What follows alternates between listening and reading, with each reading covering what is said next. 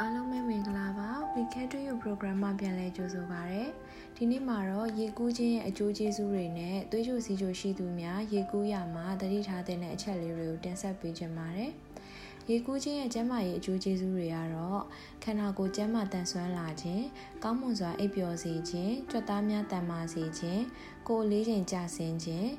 စိတ်ဖိစီးမှုလျော့နည်းစေခြင်း၊သွေးပေါင်ချိန်မှန်ခြင်း၊သွေးရင်းအဆီများကျဆင်းခြင်း၊ ခန္ဓာကိုယ်ဟန်ချက်ညီလာခြင်းနဲ့ခန္ဓာကိုယ်လန်းဆန်းစေခြင်းတို့ပဲဖြစ်ပါတယ်။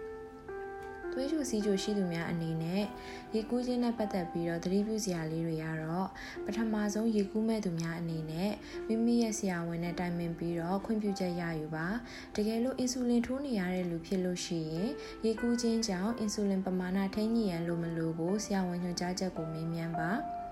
မကြသေးမီကသွေးရင်းတကြားတဲ့ကြဆင်းခြင်း hypoglycemia ခံစားထားရရင်ရေမကူးသင့်သေးပါဘူးရေမကူးခင်မှာသွေးရင်းတကြားတဲ့စစ်ဆေးပေးပါကြဆင်းနေရင်ပုံမှန်ပြန်ဖြစ်အောင်ပြုလုပ်ပြီးမှကူးသင့်ပါတယ်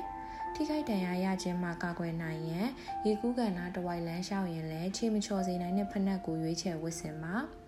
ရေကူးကန်ထောက်နိုင်ရန်များကနေပြီးတော့ထိခိုက်ရှာနာများရခဲ့ခြင်းရှိမရှိကိုရေကူးပြီးတာနဲ့ချက်ချင်းစစ်ဆေးပါ သွေးတွင်းတကြားတဲ့ကျဆင်းခြင်း hypoglycemia ဖြစ်လာရင်ကုသရန်လိုအပ်သည်များကို ရေကူးကန်အပေါ်ဘက်မှာအသင်ထားရှိထားပါ။